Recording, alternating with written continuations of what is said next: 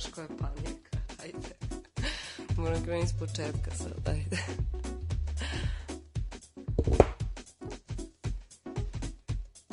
E, to je to. Uspeli. E, a sada, zbog, um, zbog onih koji će da snime, i zbog mi, i zbog mi, i zbog nas što snimamo, morat ćemo sve iz početka. 3, 2, 1, ništa se nije dogodilo.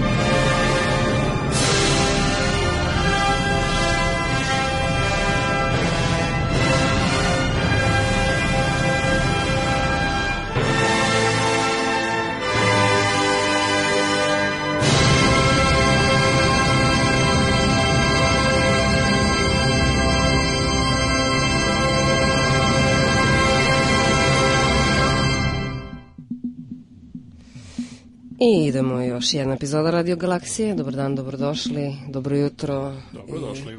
Već zavisi kada nam slušate, a za ove što nam slušaju u ovom trenutku. Dobrodošli u 32. u druge sezone, a 80. i neku od početka, od, Da, dve, da. od 2008. Jest. To je već jedan, leti. jedan ovako dosta dobar kontinuitet. Vreme leti. Leti, a i, a i, a, a i u proleće. A, normalno. I zimi i u proleće. Još malo pa će doći i proleće. Evo ga stiglo. Pa dobro, možemo kažemo da je došlo u naše kraje. A dobro, striktno govoreći sve tamo do 20. i nekog marta ne možemo. Ne možemo da kažemo. Moramo Sve da se... je to zima. Jest. Ko zna, pa dobro, to sad može da nas Najavlja iznenadi. se i neki sneg. Tačno tako, To je- tačno tako.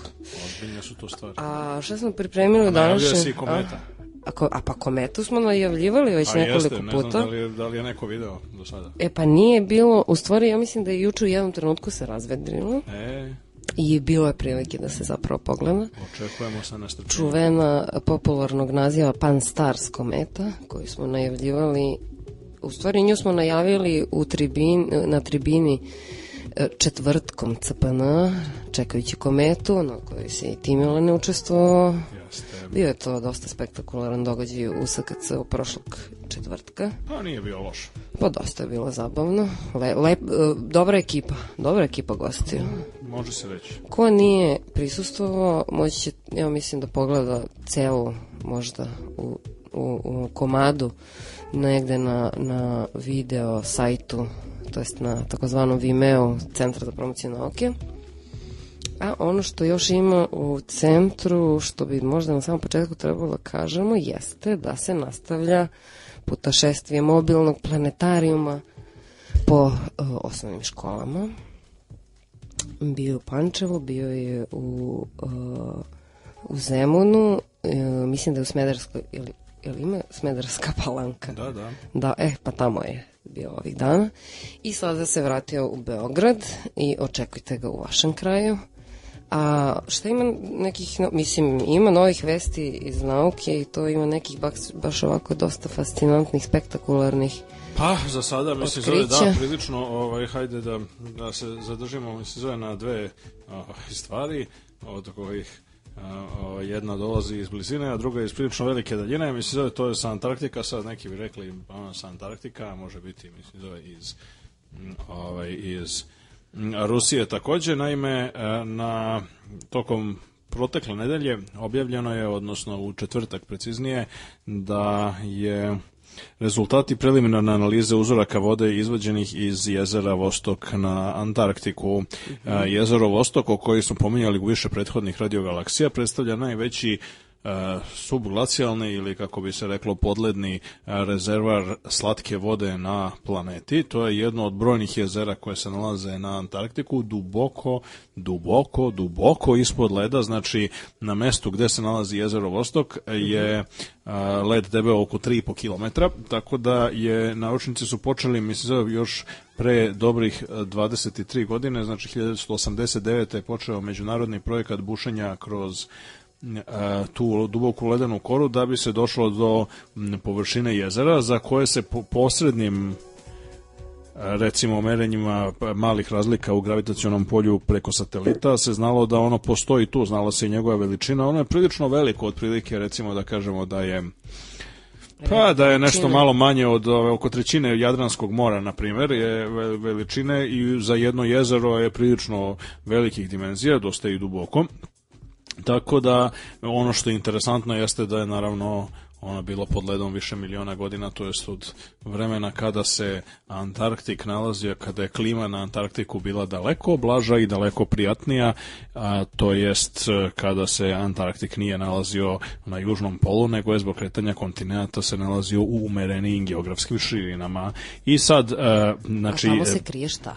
pa ono što se ispostavlja jeste da su pronađene u uzorcima vode, znači koje su uzeti sa same površine jezera Vostok i to je jako oprezno što se izbjegavala kontaminacija. A, Problem jeste u tome što ako tamo postoji nekakav živa bića, odnosno ekosistem tamo je on je bio jako dugo odvojen od ostatka planetarne biosfere, te shodno tome je prilično nezgodno m, da unesemo neke naše vrste, na primjer bakterija ili nekih drugih invazivnih organizama koji bi mogli da dođu ukoliko bi se samo izbušilo do površine i uzeli uzorci, nego se zahtevalo da se mora bušilica i sve te stvari, komplikovana mašinerija, da mora da bude sterilizovana i da se to radi jako polako i tako dalje. Isto je razlog zašto je to bušenje i trajalo 23 godine, pošto su je pokazalo se da je jako teško izvesti, mislim, zove naravno sterilizaciju bušilice koja treba da prođe kroz 3,5 km leda.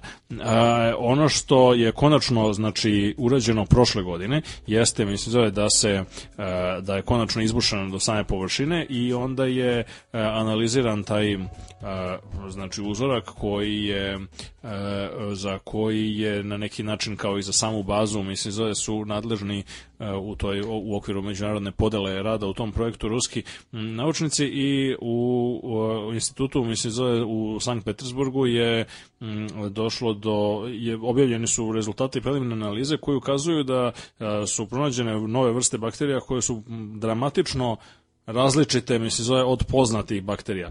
Znači, ono što se u principu smatra različitim bakterijama jesu one koje imaju manje od 97% identičnog genetskog koda. To je dovoljno da ih čini različitim. Znači sve, to je jedna konvencionalna definicija, naravno, pošto to ne postoji u prirodi nikakvi procenti, nego je sve kontinuirano. To je jedna onako standardna definicija koja se koristi uh, zato da bi olakšala život pre svega ljudima koji se bave praktično bakterijama, to su ljudi u medicini i agronomiji. I međutim, međutim, to pokazuje da znači su Ako imamo nešto ispod 97%, to su različite bakterije, ali se veoma redko, dakle veoma redko, se nalaze bakterije koje se koje imaju manje od 90%, mislim zove identične DNK. Zato što iz vrlo prostog razloga genetski kod je bakterije su jako jednostavni organizmi, mnogo, mnogo, mnogo, mnogo jednostavniji od čak i jednoćelijskih eukariota, pošto postoje jednoćelijske, ajde da kažemo, biljke i životinje, a one su mnogo komplikovanije nego bakterije, iako i one imaju samo jednu ćeliju. A, dakle, međutim, ispostavlja se da je bakterije su, taj kod je tako jednostavan da praktično više od 90% njega odlazi na one suštinske potrebe, mislim da koje jednostavno, znači sva živa bića mora da imaju metabolizam, enzime, hemijske reakcije i tako dalje, da se hrane i slično. To praktično odlazi. I stoga je ova vest koja je u četvrtak da znači novootkrivene vrste bakterija iz jezera Vostok e, se ni u jednom slučaju se razlikuju, znači imaju zajedničko najviše 86%, mislim, DNK sa poznatim vrstama bakterija, a i manje, u tom smislu su one, znači, jako daleki srodnici, oni su ekstremno daleki srodnici poznatih bakterija, što znači, mislim, da ne samo da su u pitanju nove vrste, što samo po sebi ne bi bilo neko preterano iznenađenje, pošto nove vrste bakterija se mo, otkrivaju maltene svakodnevno, ali ovo su ekstremno različite, hajde da kažem, bakterije i pripadaju, mislim, zove neko, ne, nečemu što su ovaj znači jedan tip naučnika sa, na čelu sa Sergejem Bulatom koji su objavili mm, ovu vest je zapravo ukazuje na neki način da su to da, da je o njihovo odvajanje njihove, hajde da kažemo, filogenetske tog nekog rodoslovnog stabla od ostatka biosfere došlo mnogo ranije. Znači, to je potrebno mnogo više od tih nekih par miliona godina ili tako nešto koliko je jezero Vostok bilo izolovano zbog naraste, zbog povećanog debljine leda, mislim zove na od ostatka biosfere. Znači, u pitanju su bila eksotičan ekosistem koji je mnogo stariji, mislim zove od toga. I kao što profesor Bulat kaže da da su našli ovakav, da je ovaj život pronađen na Marsu, mislim da ljudi bi ga nazvali marsovskim, zato što jednostavno on dovoljno, dovoljno, dovoljno različit od onoga, mislim zove što, što bismo očekivali. E sad, naravno, mislim zove, ono što je problem jeste što su ti uzorci, mislim koji su do sada uzeti bili jako mali, jako ograničeni, upravo zbog te opasnosti, mislim zove, od kontaminacije. Planira se da u maju ove godine, mislim znači što je negde pri kraju, na samom kraju antarktičkog leta, odnosno jeseni leta, mislim zove što je najpogodnije vreme za uzimanje uzoraka, zato što tamo Dakle, ovaj, tokom antarktičke zime jednostavno nema apsolutno nikakvog smisla raditi i ovaj, strahovito je teško preživeti i opstati, mislim, zove uopšte u bazi, a kamoli, mislim, zove nešto raditi.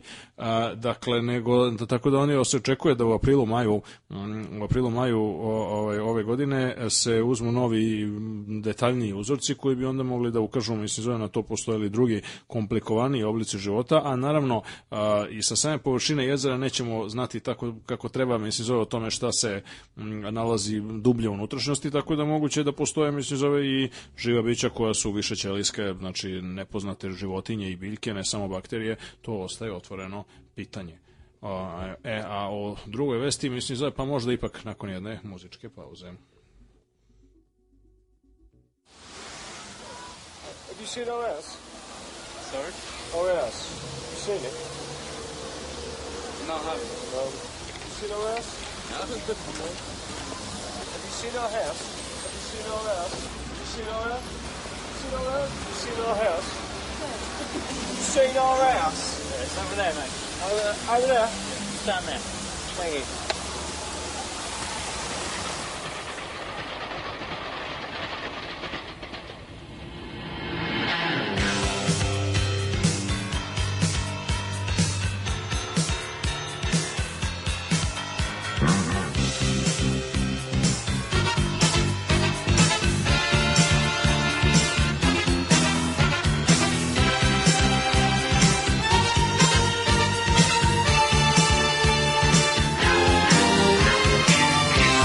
Wears his Sunday best.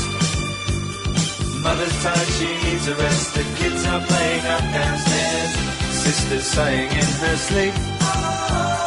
Brother's got a date to keep, he can't hang around. Our house in the middle of our street.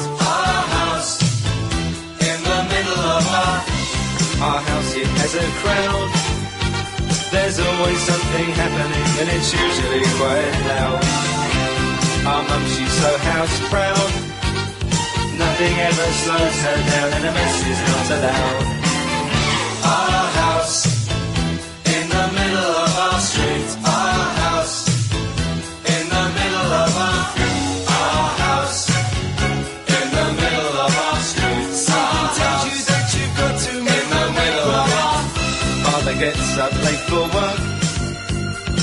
Mother has to iron his. Then she sends the kids to school. Sees them off with a small kiss.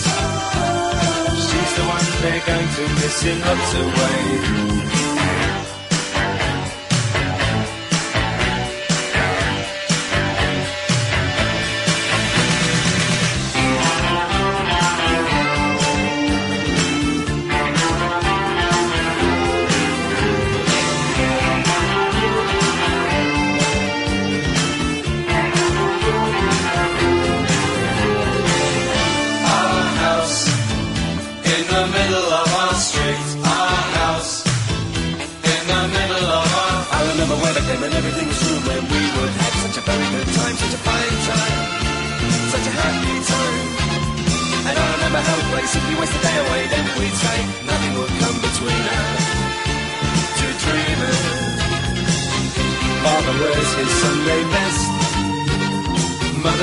She needs a rest. The kids are playing up downstairs.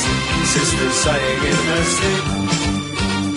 Brother's got a date to keep, he can't hang around.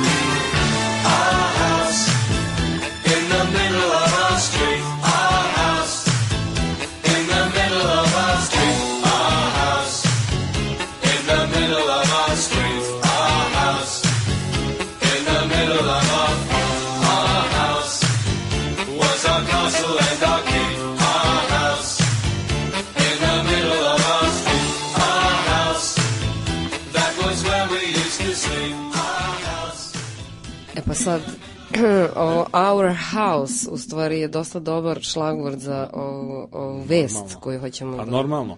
O, a i ne samo to, nego uopšte, mislim, zove danas. A i za priču o Madness. A i danas, da, normalno danas, znači, Znači, slušamo veliku grupu Madness iz Camden City-a i koja je potpuno adekvatna i za današnju temu, pošto, mislim, zove, ko se suoči, mislim, zove sa ovim Schrödingerovom mačkom, taj obavezno poludi pre ili kasnije, tako da ovaj, je to sasvim potpuno u duhu, tako da se vraćamo, mislim, zove, u neke klasične vrednosti, a i neke novije i tako dalje. No, međutim, a, Šta pre se to toga... desilo u našoj kući? Da, pre toga mislim zove jedna Ima zanimljiva toga. i značajna vest, mislim zove koja e, će nadamo se mislim zove odjeknuti i više ovaj u medijima nego što je do sada, mislim zove bio slučaj, a to je mislim zove da DNM su ovaj dvojica mislim zove fizičara sa instituta za fiziku u Zemunu, znači jedne naše verovatno najuglednije naučne institucije kad se sve sabere i oduzme, a, ovaj su e, otkrili neke neka, neke, neke nove zabavne trajektorije, hajde tako da se izrazim,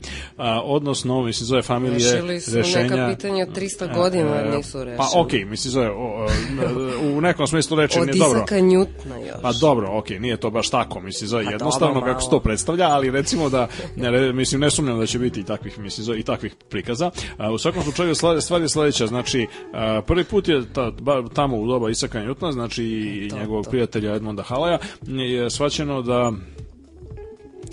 Znači problem dva tela kao što je poznato, mislim da ima rešenje koje rešenja koja se e, koja su opisana takozvanim Keplerovim putanjama i to je takozvani Keplerov problem po Johanu Kepleru koji je prvi shvatio da putanje planeta oko sunca su elipse. E sad ako nisu elipse u opštem slučaju onda su hiperbole, a ako nisu ni e, ako a između znači na samoj granici znači elipse su zatvorene, hiperbole su otvorene, na samoj granici između ta dva se nalaze parabole, to je to je jedno granično rešenje i to su u principu tri slučaja e, kako mogu da imaju putanje sva tela kojima upravlja gravitacija, znači planete, sateliti, asteroidi, komete, šta god bilo, pri čemu naravno mislim zove i kružne orbite spadaju u eliptične, to su jednostavno elipse sa, sa nultim ekscentritetom. I, I sad, to je jednostavno. Postavlja se pitanje, mislim da ako imamo tri tela, mislim da umjesto dva, znači ne samo, na primjer, sunce, zemlja i mesec, na primjer, ili sunce, Jupiter i Ganimed ili tako nešto, kakve su onda orbite? E, onda su mnogo komplikovanije i u suštini gledano a, je, jer a to je sad slučaj koji je naravno graničan slučaj, kasnije imamo probleme, možemo imati probleme 4, 5 i više tela, koji su takođe nerešivi u zatvorenom obliku, znači ne postoji nekakvo konačno, mislim, zove rešenje za te probleme mnogo tela, a za probleme tri tela postoje neka analitička rešenja koja su razvijena i neke familije rešenja koje su razvijena još relativno davno, znači negde u 18. veku, mislim, zove u doba 18. veka, ljudi, mislim, zove kao što su primenjenih matematičara, kao što su bili Euler, Lagrange, Laplace i još neki, ne, i oni su u suštini stvorili, napravili tri neke, znači napravili su neku prvu grupu i najvažniju za stanovišta nebeske mehanike, ne, e, znači grupu rešenja, kasnije su otkrivene, mislim, zove još dve porodice rešenja, a sad je otkriveno još 13 novih porodica koje su objavili naše drage kolege, mislim zove Milovan Šuvakov i Veljko Dmitrašinović, koji su za Instituta za fiziku u Zemunu, koji se a, bave, znači, ispostavlja se ironijom, slu, dakle, ironijom slučaja, pošto je znao dotične kolege, znači, i to je to ovo što mm, ima sve izglede, mislim da bude jedno od najznačajnijih otkrića na ovim prostorima u, u posebno, bar na nivou decenija, a ove, što se tiče bar e, fundamentalnih nauka, na neki način je postignuto, mislim zove u vidu njihovog onako uzgrednog projekta, aj neću da kažem hobija, mislim zove, ali, ali nešto mislim zove što, što zapravo i nije glavni, mislim zove glavni deo ove, njihovog posla i onoga na čemu su, na čemu su najviše radili, što toliko više predstavlja, mislim zove, toliko je veći značaj i toliko više treba da, da, da, da se to ceni. A, poenta jeste da je to jedan od, znači, Dobro, različiti su putevi. do Naravno, rešenja. naravno, jedan od, e, a, to je, e, mislim, radi se o prilično, kada se sagleda, mislim, zove u nekakvom najopštijem kontekstu matematičke fizike, radi se o jako kompleksnom problemu zato što zato što je čak i relativno jednostavna interakcija kakva je na primjer gravitaciona interakcija između između tela. I čak i kad zanemarimo stvari, mislim, zove kao što su činjenica da recimo, ne znam, tela nisu tačkasti objekti, recimo, nego imaju nekakve, e, imaju nekakvu prostornu raspodelu mase, pa sad ona ima razne više momente kvadrupolne i više momente, mislim, zove koje e, svoje sobstvene raspodele, ali čak i ako predstavimo kao tri tačke, vrlo brzo, a, kad mi pustimo da se oni kreću, što možemo da radimo na računaru danas, bez problema, a, vrlo brzo dobijemo nekav haos. I to nije slučajno, nego je to baš, mislim, zove suština cele stvari, a haos to znači, mislim, zove da mala promena početnih uslova dovodi do velike promene ishoda celog procesa. To znači visoka osetljivost na početne uslove, to je neki način tehnička definicija haosa. I sad, Stvar je u tome što, međutim, ne postoje, ne, nije niko unapred zadao šta to znači, mislim, zove na kojoj se to vremenskoj skali dešava. Dakle, stvari koje nam izgledaju regularne, znači ne haotične, na vremenskoj skali koja, recimo, recimo karakteriše, karakteriše ljudski život ili tako nešto, mogu zapravo biti jako haotične kad gledamo na dužim vremenskim skalama. Tako je recimo kretanje zemlje oko sunca, kao što smo govorili već u jednoj od prethodnih radiogalaksija, gde a, mi ne primećujemo da zemlja se kreće savršeno regularno i predvidljivo na skali od ono godinu dana 5 godina, 10 godina, 100 godina, 1000 godina čak. Na skali od koja prelazi recimo 10 miliona godina, zemlja, zemljeno kretanje je haotično. I zato mi ne možemo da predvidimo gde će se na svoj putanju oko sunca naći zemlja za 10 miliona godina. Ona može se naći u jednoj, drugoj, trećoj, znači bilo, znamo da će se naći negde duž putanje, ali gde tačno? Nema načina da se predvidi danas zato što je to haotično. E sad, zbog toga, vrlo često, simulacije treba da se prate jako dugo i po neki put se neke pravilnosti iskristališu tek posle. Zapravo ono što su uradili, mislim zove kolege Šulakovi i Dmitrašinović su objavili u Physical Review Letters, sastoji se o, u ingeniozno jednoj metodi koja zapravo je polu, polunumerička, poluanalitička, hajde tako da kažemo. Znači oni su u suštini a, pustili, mislim, zove numeričke simulacije sa nekim od postojećih poznatih rešenja, mislim. E, a tada su, tada su a, odstupali, znači menjali su početne uslove da bi videli, mislim, zove da li ta, da li ta stabilna porodica, hajde da kažemo, postojećih rešenja prelazi u potpuni haos ili prelazi, mislim, zove u nešto što ima izgleda da takođe bude stabilno, ali drugačije od onoga sa čim smo počeli. I u suštini, mislim, zove tako to ide. Sad, to je proces, mislim, zove koji traje i traje i ono, ukoliko imate što imate veći uvid i u nekom smislu reči, mislim, zove čak i intuiciju, premda u ovom slučaju je to možda čak striktno govoreći više matematička mislim zove intuicija nego ona koja je karakteristična za, za fiziku, a, jeste da vidite mislim zove koje će se, znači da li će to nešto što se dešava mislim zove biti haotično ili će postepeno brže ili sporije konvergirati mislim zove ka nečemu, mislim, zove što predstavlja ponovo regularno rešenje, pošto sve ove familije rešenja o kojima smo govorili su karakteristične o tome da, da su ona zapravo regularno rešenje, iako mogu izgledati na prvi pogled kaotično. Imate neke razne ilustracije kako to izgleda plast sa senom, ne znam, gomila špageta, mislim, zovete pa ovo, te ono. Ovde na ovim Ne, fotografijama se vide o, razna, neke grafike. da, možete vidjeti, mislim, znači one mogu izgledati jako komplikovano, ali one su u principu da. pravilna. Po nazivima možemo i da, da jer, evo, za, Jeste, oni za imaju razne, razne neke zabavne moth, nazive, za, zabavne nazive i to je goggles. jedna od lepših ono delova, ovaj jedan od lepših A delova. to su to skromno oni nazvali. Cele znaš, stvari. nema ni jedan kao nešto Šuvakov.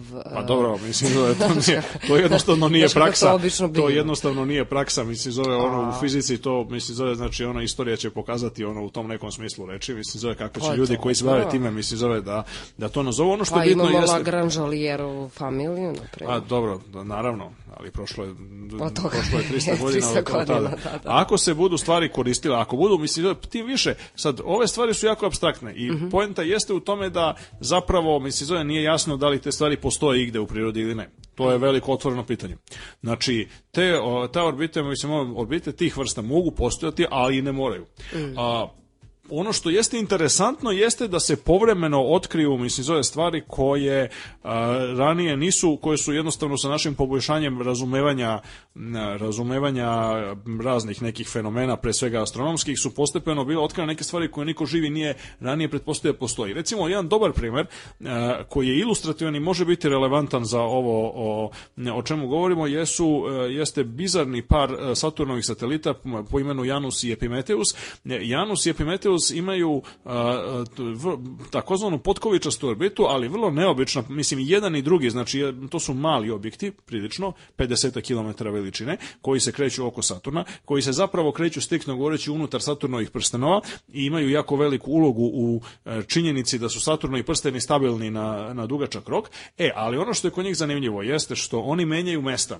I to rade stalno. Oni imaju, oni imaju taj specifični, mislim, zove da kažemo, ovaj, jedan, tako reći, jedan plesni ovaj, mehanizam, odnosno takozvanu potkovičastu orbitu koja e, je stabilna, ispostavlja se, ali čas je Janus bliži e, Saturnu, Epimetheus dalji, a onda, mislim, zove nakon još pola orbite, mislim, bude obrnuto, mislim, zove, to jest Janus se udalja, Epimetheus i, one, i onda oni neprestano menjaju mesta, mislim, zove, tokom orbite, tako da nije, ne može se reći ni da je jedan bliži, ni, da je udaljeniji. E, to je recimo egzotična orbita koja je otkrivena, zapravo bilo je nekih indicija da je to tako, ali ona je otkrivena tek onda kad su ti sateliti otkriveni, to je to komisija Voyager uh, 1980. godina, ranih 80. godina. Tek onda kad su te misije prišle dovoljno blizu, kad su otkrile te objekte, kad su oni skrenuli pažnju astronoma na njih, pa su onda oni mogli da prate njihove orbite detaljnije, utvrđeno je da postoji tako neobično ponašanje koje niko živi ranije nije pretpostavljao da bi ipak objekti, mislim, zove kao što sateliti koji su relativno veliki, mi sve mogli da tako menjaju mesta. A, slično tome, moguće je da neke od ovih egzotičnijih orbita koje liče na naš, na špagete ili slično, postoje negde u, e, recimo, ili na dalekoj periferiji sunčevog sistema, ili što je mnogo verovatnije e, u ekstrasolarnim planetarnim sistemima, samo što je pitanje uh, trenutka kada ćemo doći do rezolucije dovoljno dobre, mislim da, Da, da, da možemo da, da možemo da detektujemo takve uh, takve orbite. To ipak zahteva, mislim, zove ne samo da možemo da otkrijemo uh, tela, znači planete i satelite, nego zahteva da smo u stanju da ih pratimo tokom dužeg vremena da bismo otkrili o čemu se radi. Inače, mislim, čak i sasvim nezavisno od toga, znači ja sam uvek bio veliki protivnik te ideje da sad treba ono otkrića procenjivati po njihovoj prim, primenljivosti u praksi.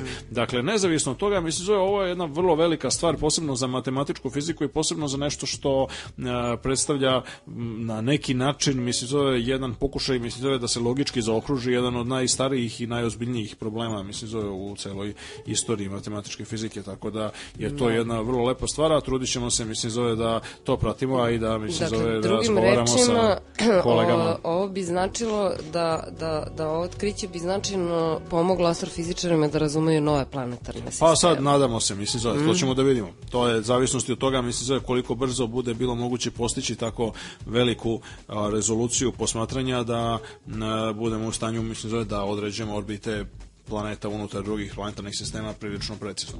To verovatno nije u neposrednoj budućnosti, Budućnosti, nažalost, da. zato što su neki projekti koji su možda mogli da nam daju odgovore na ta pitanja, kao što je recimo bio taj takozvani TPF, odnosno Terrestrial Planet Finder, a, koji treba bude kosmički teleskop u svemiru namenjen isključivo pronalaženju novih planeta, oni su nažalost otkazani zbog raznih ekonomskih i ovaj, budžetskih Kriza. ograničenja, a sad, mislim, zove, nadamo se da će ih zameniti nešto drugo, ali živi bili pa videli. Mi ćemo svakako u jednoj narednih radio galaksije pozvati naše prijatelje, Jeste. velike naučnike, da dođu i da nam lično objasne malo preciznije detaljnije o čemu se radi. Apsolutno, a koristimo priliku da pozovemo i ove nesrećne, mislim, zove ovaj, mainstream medije u Srbiji, mislim, zove da o tome počnu da obaveštavaju detaljnije, Biće, lepše biće. i tako dalje. Biće svakako. A sad bi mogli da čujemo jednu od no, sa novog albuma grupe Madness koji ima dosta ovako nekako bizaran na, naslov We, we, si, si, ja, ja i da, da.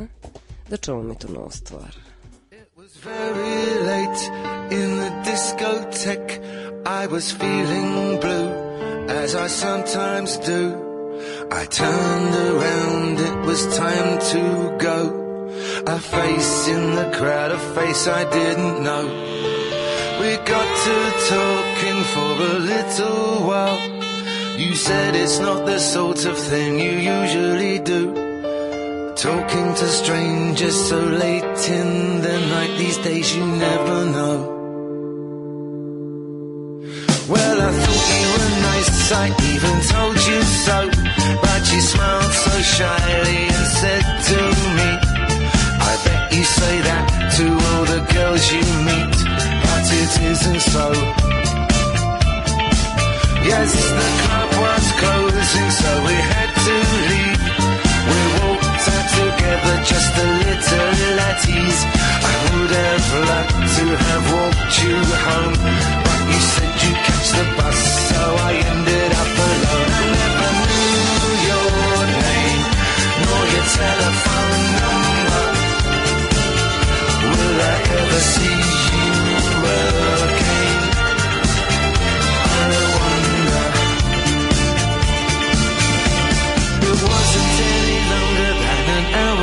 Two. That lonely street, I said goodbye to you. You glanced back at me as I turned the corner. Was the last I saw of you. Oh, I wanted to call, call out your name, but stupid pride and idiot shame hesitated, scared of playing the fool. So you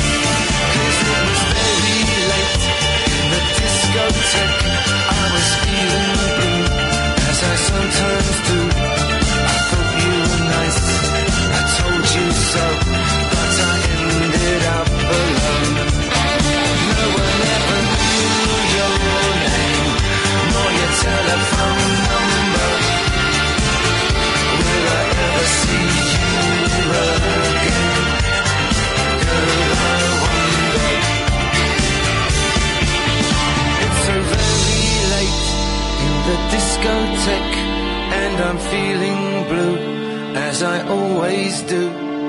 I turn around cause it's time to go.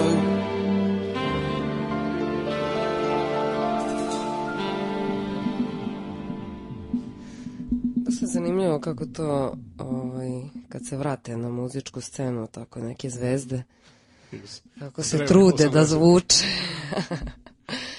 Mislim, ipak to jedino mogu Rolling Stonesi, realno. Pa, sorry, Da, da jednako, jednako kvalitetno. U svakom slučaju, um, na pitanje kako je u jednom Kako je moguće da Deda Mraz istovremeno se nađe u svim kućama i svoj deci podeli poklone? Pa da, to je interesantno pitanje. To je interesantno pitanje i to svakako pitanje... Sad ne znamo ovaj, da li je on baš striktno istovremeno svuda.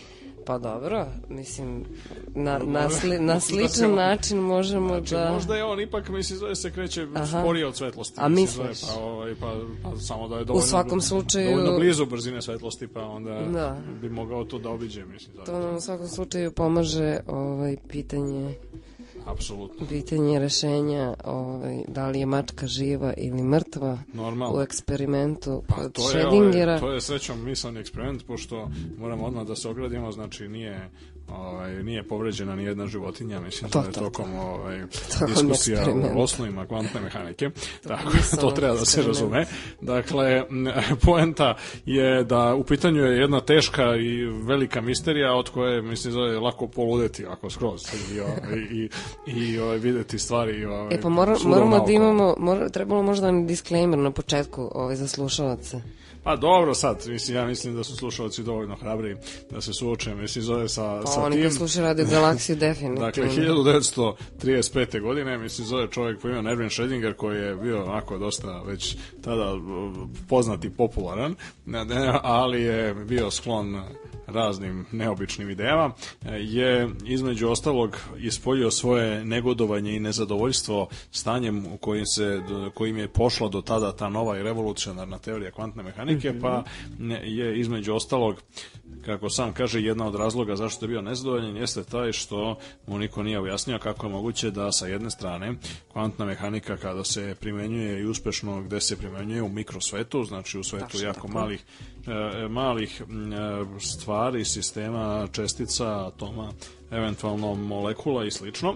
Znači, ona je tamo linearna i to znači da u suštini gledano, znači, zbir ili razlika ili pet puta jedno plus mm, sedam puta drugo rešenje da je takođe rešenje problema bilo kog koji razmatramo u kvantnoj mehanici.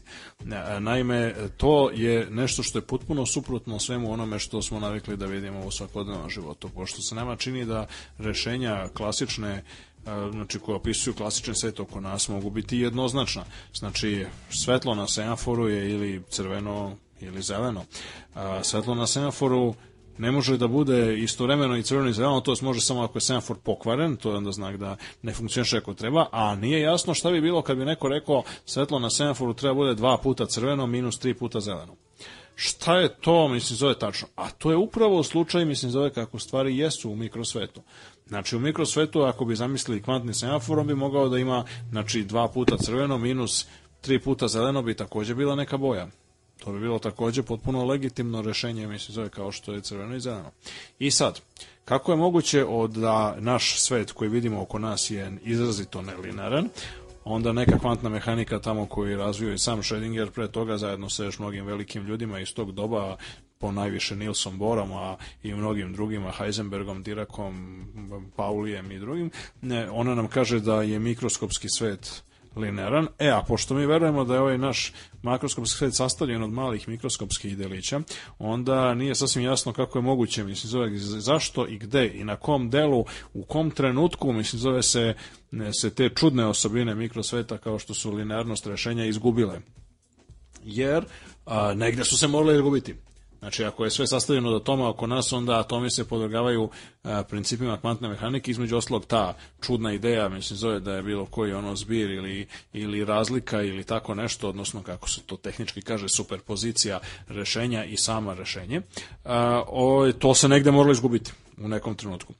I sad da bi na neki način isprovocirao, mislim, zove ljude u tom pogledu, onda je, kako sam kaže, mislim, zove Schrödinger, on je smislio jedan smešan znači smešan ili burleskan ili, ili kako hoćete komičan primer, a, a to je, mislim, zove primer sa čuvenom mačkom. Stavimo mačku u kutiju, pored toga stavimo a, i flašicu sa otrovom koja je povezana sa nekakvim sistemom koji u kome se sa- sadrži kvantna neodređenost ili slučajnost ili verovatnoća kako doćemo. U originalnom eksperimentu je korišćen radioaktivnost, raspad radioaktivnih elemenata, znači zamislimo recimo da kad neko kad nam neko kaže da ovaj ili onaj radioaktivni element ima period polu raspada od recimo 1 sat, to znači da će polovina u proseku polovina atoma, mislim, zove unutar uzorka da se raspadne za jedan sat, ali to vam ne govori kad će se raspasti jedan atom. Zato što je to nešto što je po kvantnoj fizici jednostavno nepredvidljivo. To je nešto što je posle je potpuno u, u celini stohastičke prirode, znači ne potpuno je slučajno. Znači on ima 50% verovatnoće da se raspadne na primjer za jedan sat, ali to ne znači da će zaista se raspadne. Može se raspadne za 15 minuta, može se raspadne za 5 sati. Niko ne zna. Znači 50% i ne može da zna. I sad je onda recimo Schrödinger zamislio, na primjer, zamislimo da imamo jedan atom, na primjer, neko radioaktivnog elementa i koji čekamo da prođe taj jedan sat. I ako prođe, ako se on raspadne tokom tog jednog sata, onda on recimo aktivira nekakav čekić koji onda padne na bocu sa otrovom i smrska je i otrov se prospe po kutiji i ovaj, ubije mačku. A ako se on ne raspadne za jedan sat, onda se ništa ne desi. Onda se jednostavno, mislim, zove ono aparat prestaje da radi, mislim, zove ništa se ne desi. I nakon sat vremena posmatrač, mislim, zove čovjek koji vrši eksperiment, on otvori kutiju i gleda, mislim, zove da li je mačka živa ili mrtva. Sad, problem jeste u tome što, kako Schrödinger lepo kaže, stanje tog atoma je po isteku jednog sata zbir ili opet tehnički superpozicija, dva stanja. Znači on se raspao plus nije se raspao. I to je sasvim normalno, mislim, zove za stanja mikroskopskih sistema. Znači oni mogu biti u toj superpoziciji koliko god žele. Ali je problem što se ta superpozicija prenosi zbog e, svojstava aparature koju smo pomenuli, na to mislim zove da mačka ne može da bude, mislim zove u stanju da bude pola živa, pola mrtva. A to može da bude u stanju da je pola raspadnuta, pola neraspadnuta. Zato što je to kvantni sistem koji nije obserabilan direktno i koji mora da se podvrgava linearnosti, mislim, zove same kvantne mehanike. Ali Mačka je makroskopski sistem za koji nam je očigledno da se mora nalaziti u jednom ili u drugom od dva logički isključiva stanja. Znači ona mora biti ili živa ili mrtva. I ne samo to, nego mi kao posmatrač moramo biti u, u jednom od dva stanja. Znači moramo biti ili videti, misli zove da je mačka živa, ili videti da je mačka mrtva. Ili ne videti. A, odnosno videti da je mačka mrtva, jeli? E, I ono što je, i ono što je sad, to je sad veliki problem.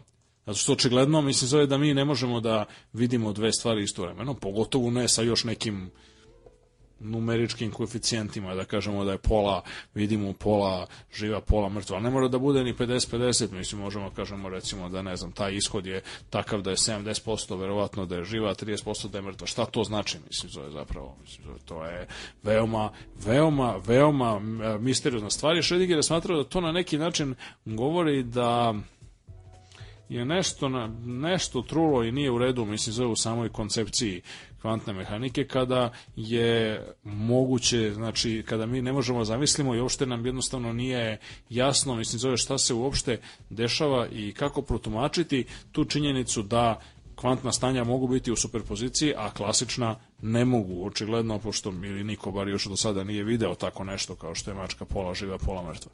A, I niko ne očekuje da je to moguće. E, dakle, kako je moguće da su te, da te stvari, mislim, zove, koegzistiraju u mikrosvetu, a opet svojstva mikrosveta su neophodna, mislim, zove, da bismo ultimativno objasnili, znači, ako je po toj jednoj klasičnoj paradigmi nauke koja da se velike stvari sastoje od malih, onda jednostavno je potrebno objasniti i veliki je problem razumeti kako to mislim zove da se u nekom momentu ta linearnost mikrosveta nestala i zamenila je ova nelinearnost makroskopskog sveta koji vidimo svakodnevno, svakodnevno oko nas. I taj paradoks ili misleni eksperiment ili paradoks kako god za Schrödingera mačke je postao jedan od naj citiranijih, Poznatijih, najpoznatijih, najbitnijih stvari koja zapravo na neki način to je jedna raskrsnica na kojoj se račvaju putevi koji vode u pravcu različitih pa kako se to kaže popularno po inerciji, a, iz još znači gomile iz gomila nekakvih istorijskih i socioloških razloga delimično to se, to se naziva interpretacije kvantne mehanike, mada striktno govoreći, to je naziv je pogrešan i nisu uopšte u pitanju interpretacije, nego su u pitanju zasebne kvantne teorije.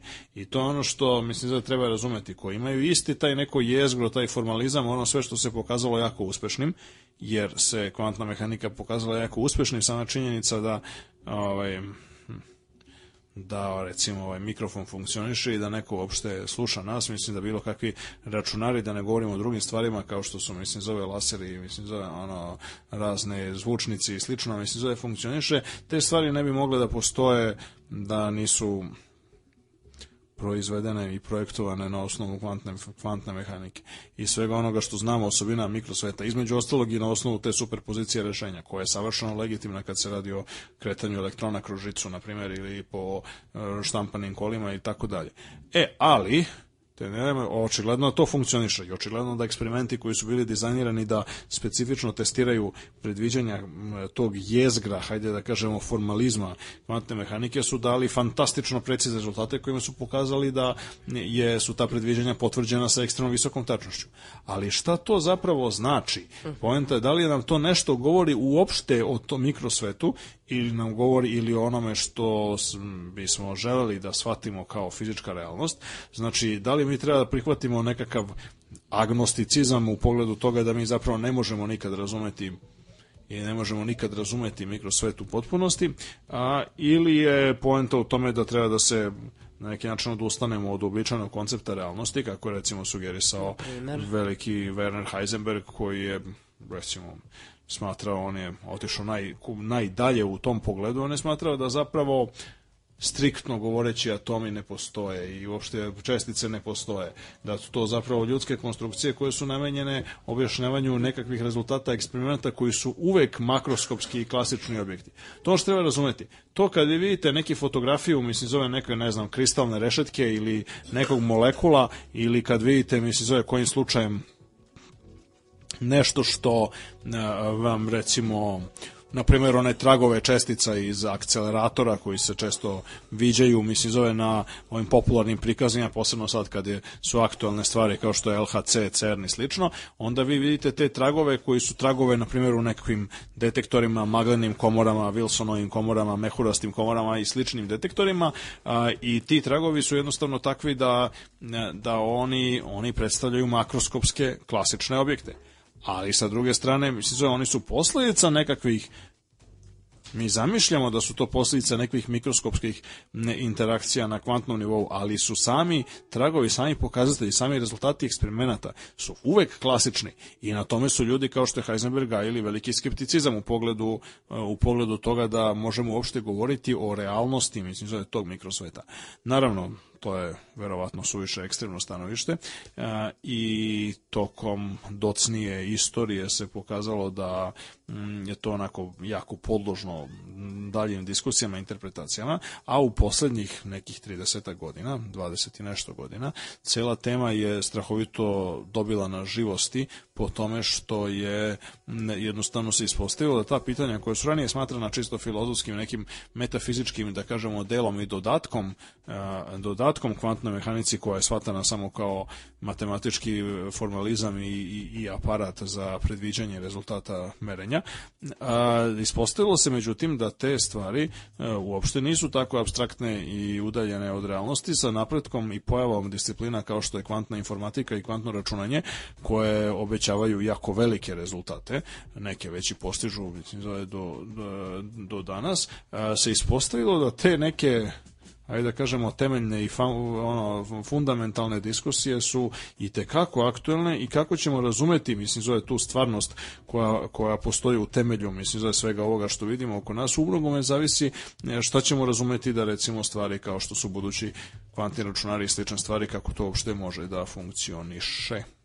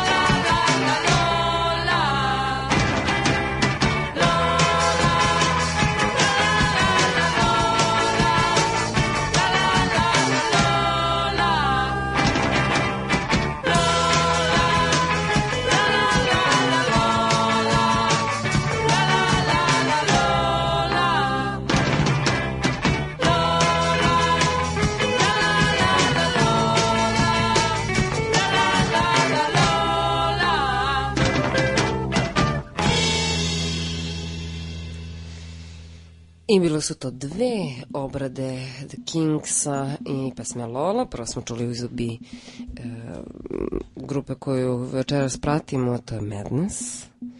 A potom i The Raincoats To. i, njiho, i njihova obrada, takozvani cover, ove fantastične stvari. Jeste. A sada nastavljamo sa pričom o, hoćemo hm, da čujemo neke interpretacije kvantne mehanike. Pa dobro, da. Naravno, Da kažemo, u stvari, e, da, uslovno različite govoreći, teorije, da. Jeste, uslovno govoreći to zaista mislim da su pitanje različite teorije, ali evo, e, dakle ono što najčešće, ha, najčešće ljudi ne razmišljaju dovoljno o tome zato što če su pod utiskom da ili, znači, nama nije potrebna nikakva interpretacija ili da jednostavno to nešto što mi se zove pripada nekakvom metafizičkom domenu i nije nešto čime se vredi baviti, barem ne u, ono, u, u, u radno vreme. Međutim, uprkos tome su tokom istorije koja evo traje već ono 80 godina e, su ljudi došli na najrazličitije ideje u pogledu toga šta bi zapravo, mislim, zove to a, te neobične, neobični e, procesi koji se dešavaju na kvantnom nivou mogli značiti za to kakva je odista fizička realnost. A ono što u nekom smislu reči ortodoksna ili da, neki bi rekli formalna, mada broj ljudi koji aktivno nešto brane i zagovaraju je jako mali, ali nešto što je formalna interpretacija kvantne mehanike, ono što potiče od Bora i njegovih učenika, zapravo većim delom od učenika, e, kao što su bili pomenuti Werner Heisenberg, zatim John von Neumann, Paul Dirac i drugi, a i zbog toga što je ona razvijena najvećim delom u čuvenom Borovom institutu u Kopenhagenu, ona se obično naziva i kopenhagenška interpretacija ili kopenhagenška škola ili kopenhagenška kvantna mehanika, dakle to je nešto što sugeriše da zapravo e, suštinski problem koji imamo do je nastupa samo onda kada a, mi imamo interakciju između dva sveta, da kažemo klasičnog sveta koji smo mi navikli, na koji smo navikli i gde se nalaze zapravo naša, sva naša saznanja i a, pa čak i ljudski saznajni aparati na neki način mislim zove nužno deo klasičnog sveta i tog mislim zove zagonetno kvantnog sveta koji nije direktno observabilan nego je observabilan samo posredstvom nekakvog aparata.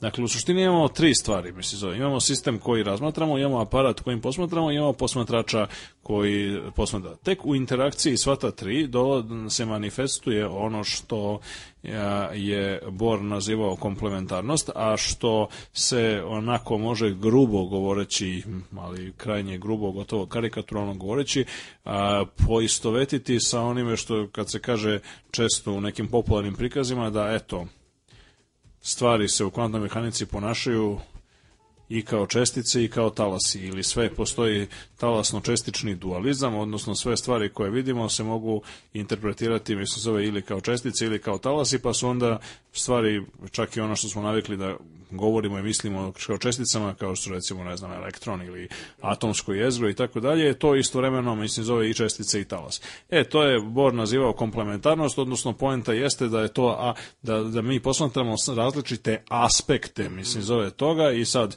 zavisnosti od toga šta posmatramo, kakav je naš kako je postavljen naš, aparat, naš merni aparat, mi ćemo vidjeti, mislim, zove ili čestični ili talasni aspekt te iste pojave, ona sama po sebi nema nema tu osobinu, ali je jednostavno, mislim, zove te, ti aspekti su međusobno komplementarni.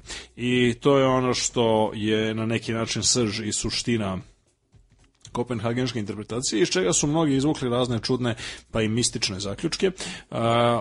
Prvi, zapravo počeli sa tim neki jako veliki, velika imena iz sveta fizike kao što su Wolfgang Pauli ili e, Eugen Wigner, koji su prvi sugerisali tu jednu vrstu, ajde da kažem onoga što ja ponekad zovem mistična interpretacija kvantne mehanike, a to je ideja da je zapravo posmatrač, odnosno svest posmatrača, mislim, zove ključna za, za to zašto mi vidimo da je samo mačka živa ili mrtva, to ima neke veze sa interakcijom između svesti posmatrača, mislim, zove i e, samog sistema o kome se radi.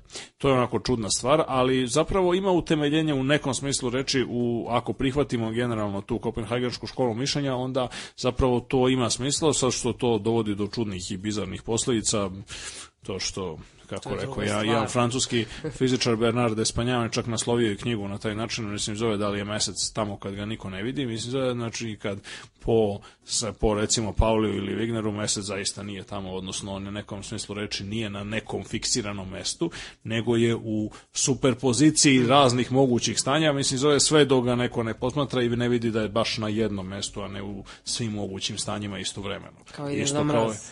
Pa isto kao i Deda Mraz, naravno, mislim, zove upravo u tome jeste stvar. Dakle, Deda Mraz, mislim, zove se može nalaziti na svim, na raznim mestima u isto vreme, ali samo tamo ako i gde ima dece, mislim, zove koje dolazi, tamo će se njegova, njegova ta superpozicija će kolapsirati u neko konkretno stanje, odnosno on će se pojaviti na nekom konkretnom mestu, mislim, zove samo tamo gde ima dece da ga posmatraju. E, I tako slično kao i Schrödingera mačka, znači ona je po, po, po ovim sledbenicima Kopenhagenške škole zapravo zaista, mislim, zove i živa i mrtva, mislim, zove sve dok to neki posmatrač, mislim, zove otvaranjem kutija, ne konstatuje da je u pitanju jedno ili drugo stanje. Na suprotnoj strani od toga se nalazi bizarna ideja koja je, e, čiji je začetnik e, do nekle u nekakvom uslovnom svetu, mislim zove bio sam Schrödinger koji je bio jako nezadovoljan u tom članku istom o Schrödingerovoj mačici koji je zapravo bio nezadovoljan ovime kako je ta ortodoksna kopenhagenška škola, mislim zove to posmatrala, pa onda nešto sugerisao što je ostalo nedorečeno i u savremenom i tek nekih dvadesetak i nešto godina kasnije je čovjek po imenu Hugh Everett prvi e, na dok je kad je branio svoju doktorsku disertaciju u Princetonu je prvi formulisao nešto što je on zvao um, interpretacija relativnih stanja, a što je zapravo se danas najčešće poznato pod opet kažem, donekle zbunjujućim i donekle neadekvatnim nazivom interpretacija mnoštva svetova. Ili, ili eventualno, mislim, zove interpretacija, znači kvantna mehanika bez bez kolapsa ili ovaj bez redukcije talasne funkcije ili bez merenja kako god. Dakle to je nešto što je bizarna ideja o tome da je mačka zaista istovremeno i živa i mrtva s tim što je hajde da kažemo tako ceo svemir se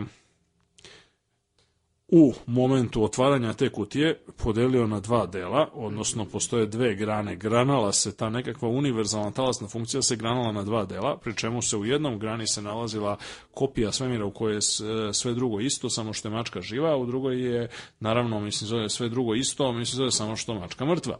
I naravno, u svim tim se nalaze po kopije posmatrača, znači nas samih, za koje je u 50 posto slučajeva, mislim, zove, znači 50%, hajde da kažemo tako, posmatrača će videti da je mačka živa, a 50% posmatrača će videti da je mačka mrtva. I sve ostalo se svaki put kad se desi nekakav konkretan događaj koji se može interpretirati kao merenje, onda se dolazi do daljeg grananja i grananja talasne funkcije, tako da svako od nas po Everettu, mislim, zove, ima milijarde i trilione kopija, mislim, zove u raznim paralelnim delovima realnosti, koji su gde su neki, gde je nekakav događaj, mislim, zove pošao drugačije, odnosno da su postoje nekakve alternative. Mm -hmm. S obzirom da su alternative jako sitne, onda se to grananje neprestano dešava i neprestano se stvaraju milijarde novih paralelnih svetova. I sad to izgleda, mislim, zove krajnje čudno i bizarno, međutim, ispostavlja se da ta ideja je zapravo koja je i nakon Evereta, mislim zove što je bilo negde 1957. i nakon Evereta je je doživljavala znači bila dugo vremena ignorisana potpuno, znači nije imala nikakvu pažnju, a onda je ponovo pronađena negde 1980. godina i danas je jako aktualan, mnogi kažu najozbiljniji takmaci, konkurent, mislim zove vladajućoj toj ortodoksnoj kopenhageškoj interpretaciji, jer je ona umnogome doprinela pojavi novih potpuno novih oblasti i domena kao što su kvantna informatika, kvantna kriptografija i, i kvantna kosmologija u poslednje vreme, koje su na neki način, pa sad, teško zamislive ili teško se mogu interpretirati zapravo bez postojanja mnoštva sveta, odnosno bez postojanja grana, velikih grana, te nekakve univerzalne svetske talasne funkcije.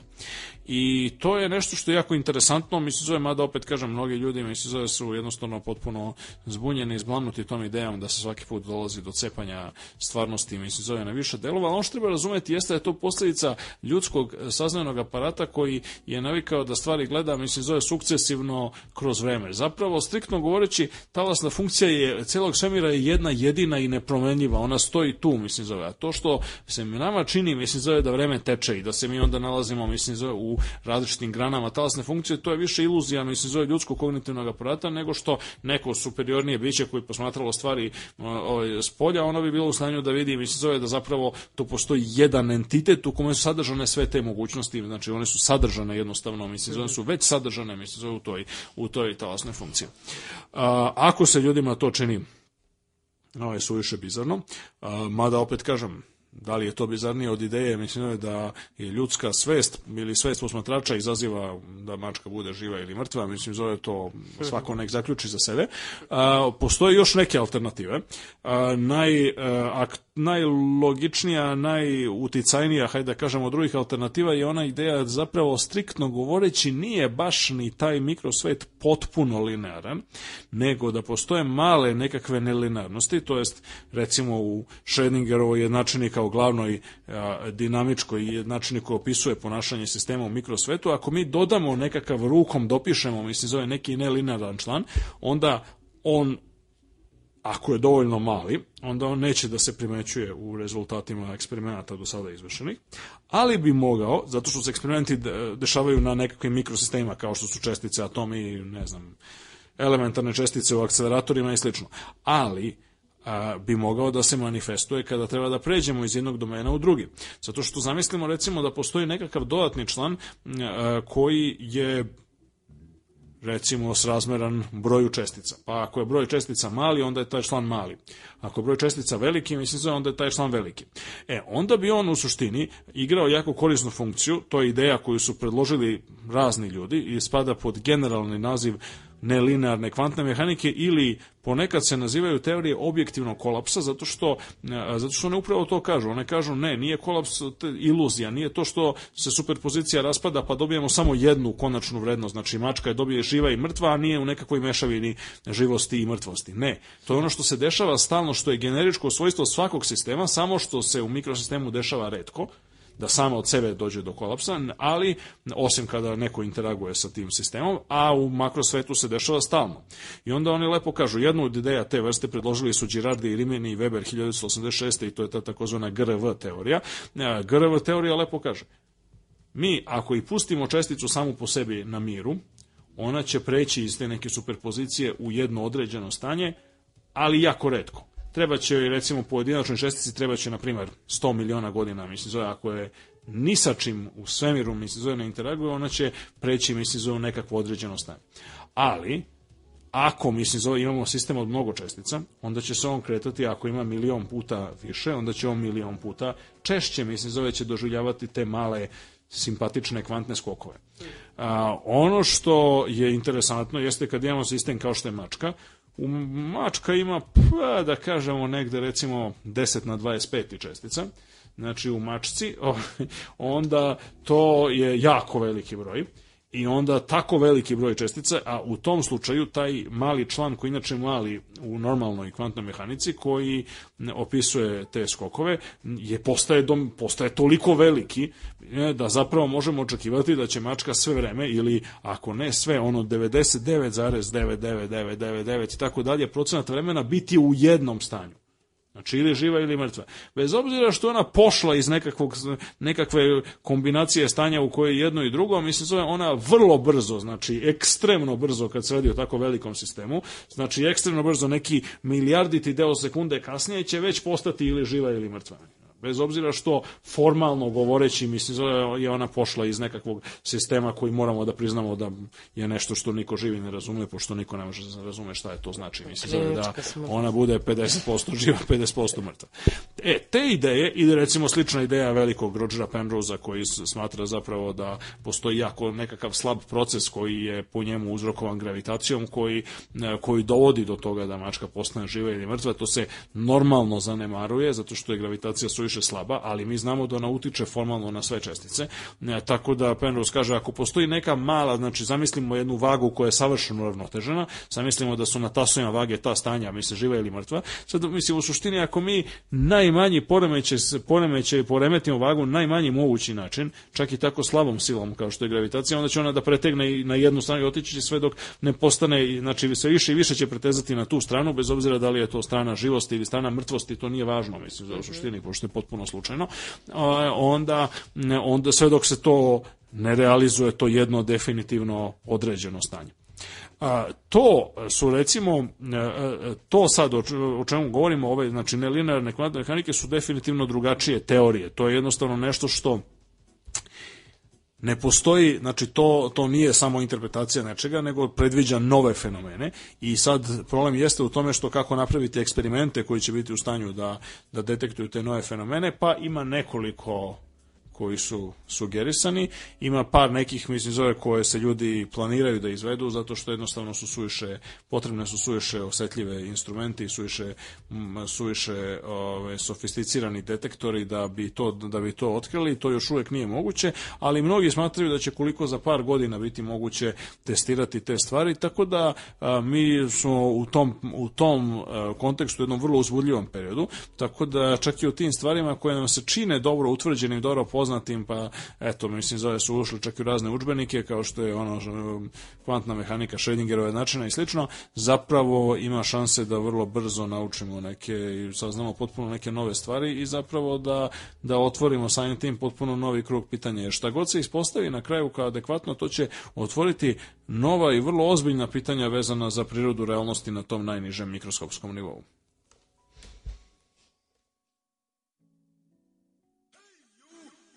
Watch that. Watch this. This is the heavy, heavy monster sound.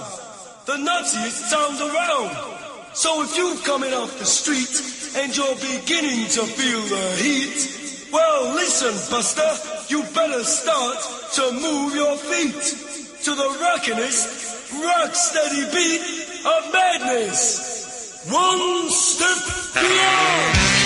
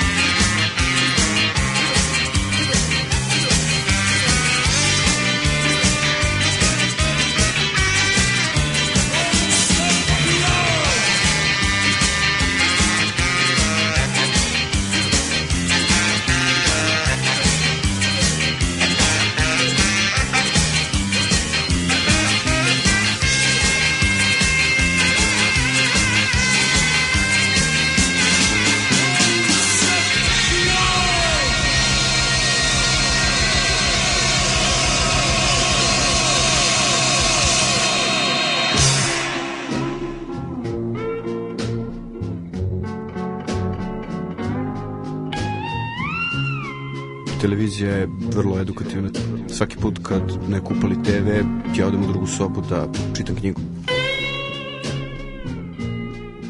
Prljava knjiga nikad nije prašnjava.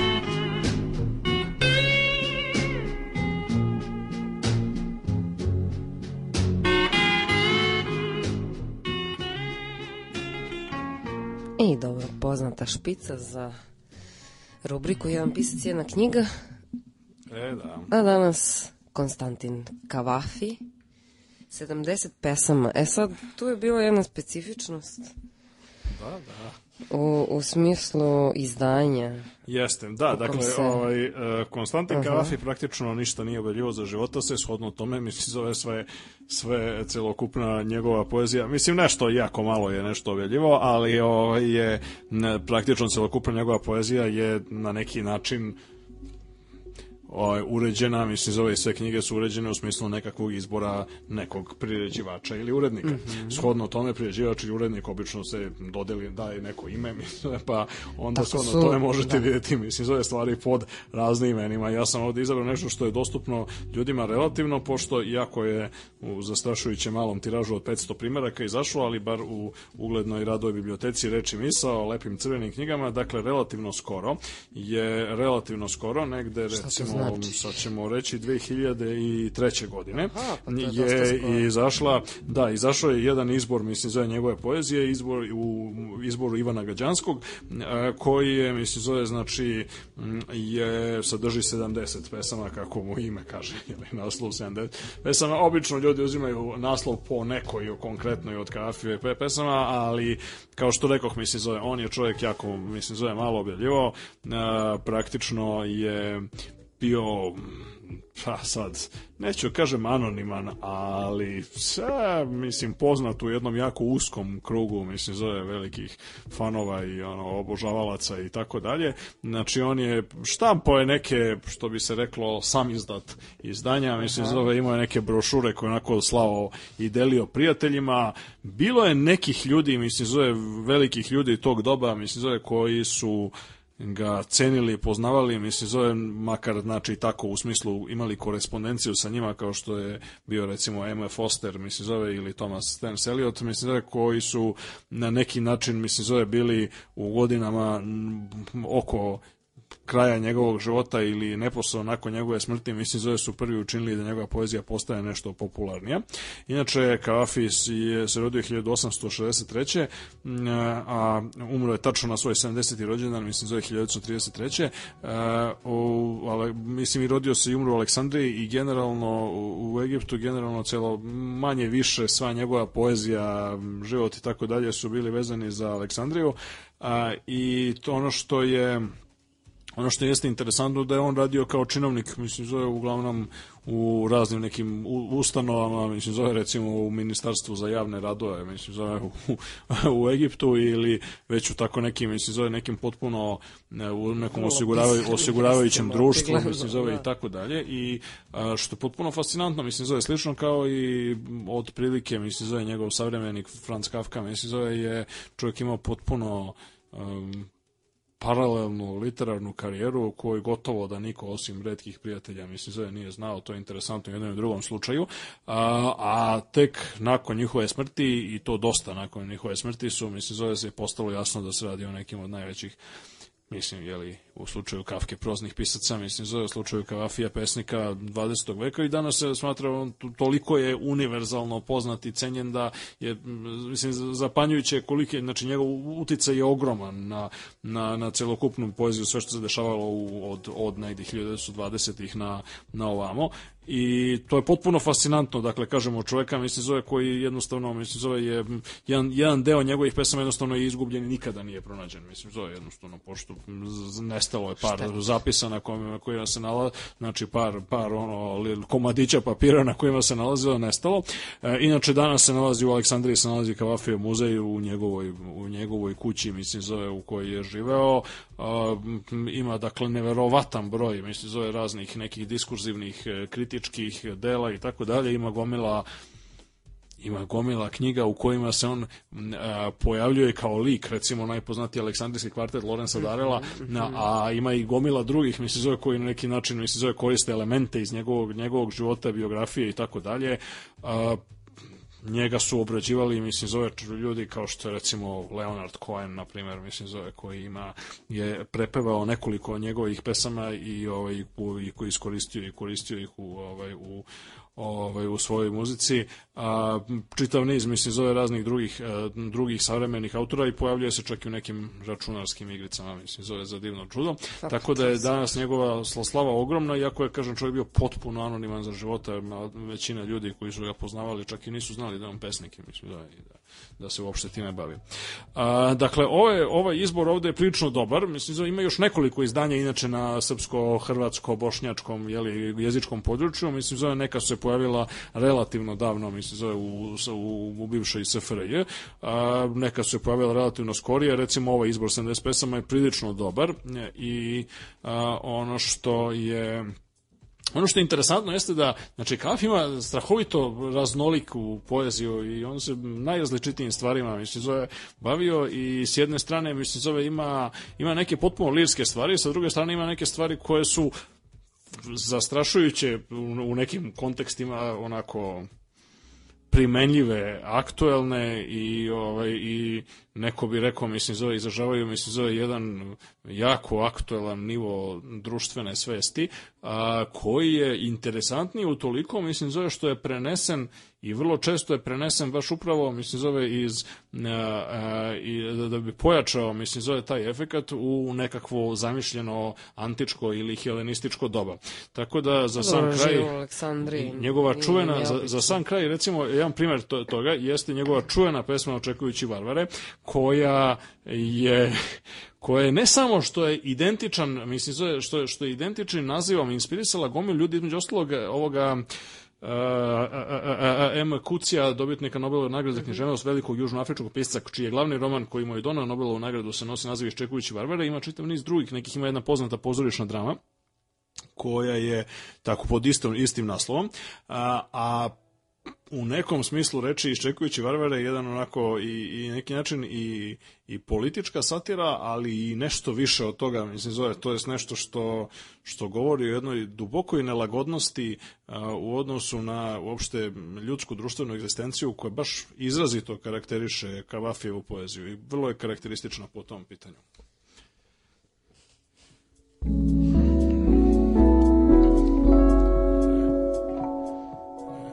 Šta čekamo ovde na Agori okupljeni? Treba danas varvari da stignu. Zašto u Senatu vlada takav nerad? Što senatori većaju, a ne donose zakone? Zato što će varvari danas stići. Kakve još zakone da donesu? Varvari će ih načiniti sami čim stignu.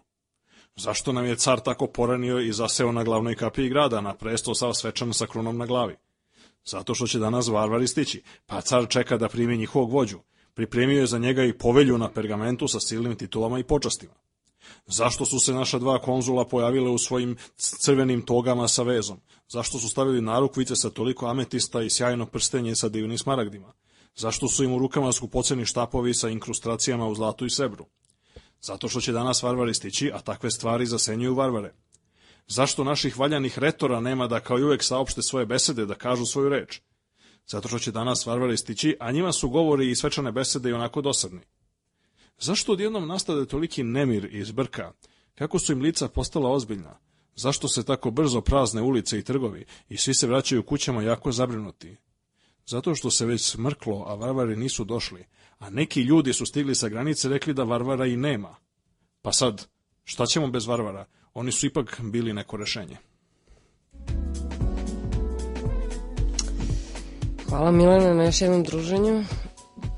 Hvala slušalcima na slušanju i naravno možete da komentarišete, da šaljete sugestije, predloge, tema i tako dalje na dobru znanu adresu radiogalaksija.gmail.com E, možete da komentarišete i na a, Facebook grupi Radio Galaksija Arhiva, pratite nas na Twitteru i do sledećeg slušanja, dođenja prijetno. Do slušanja.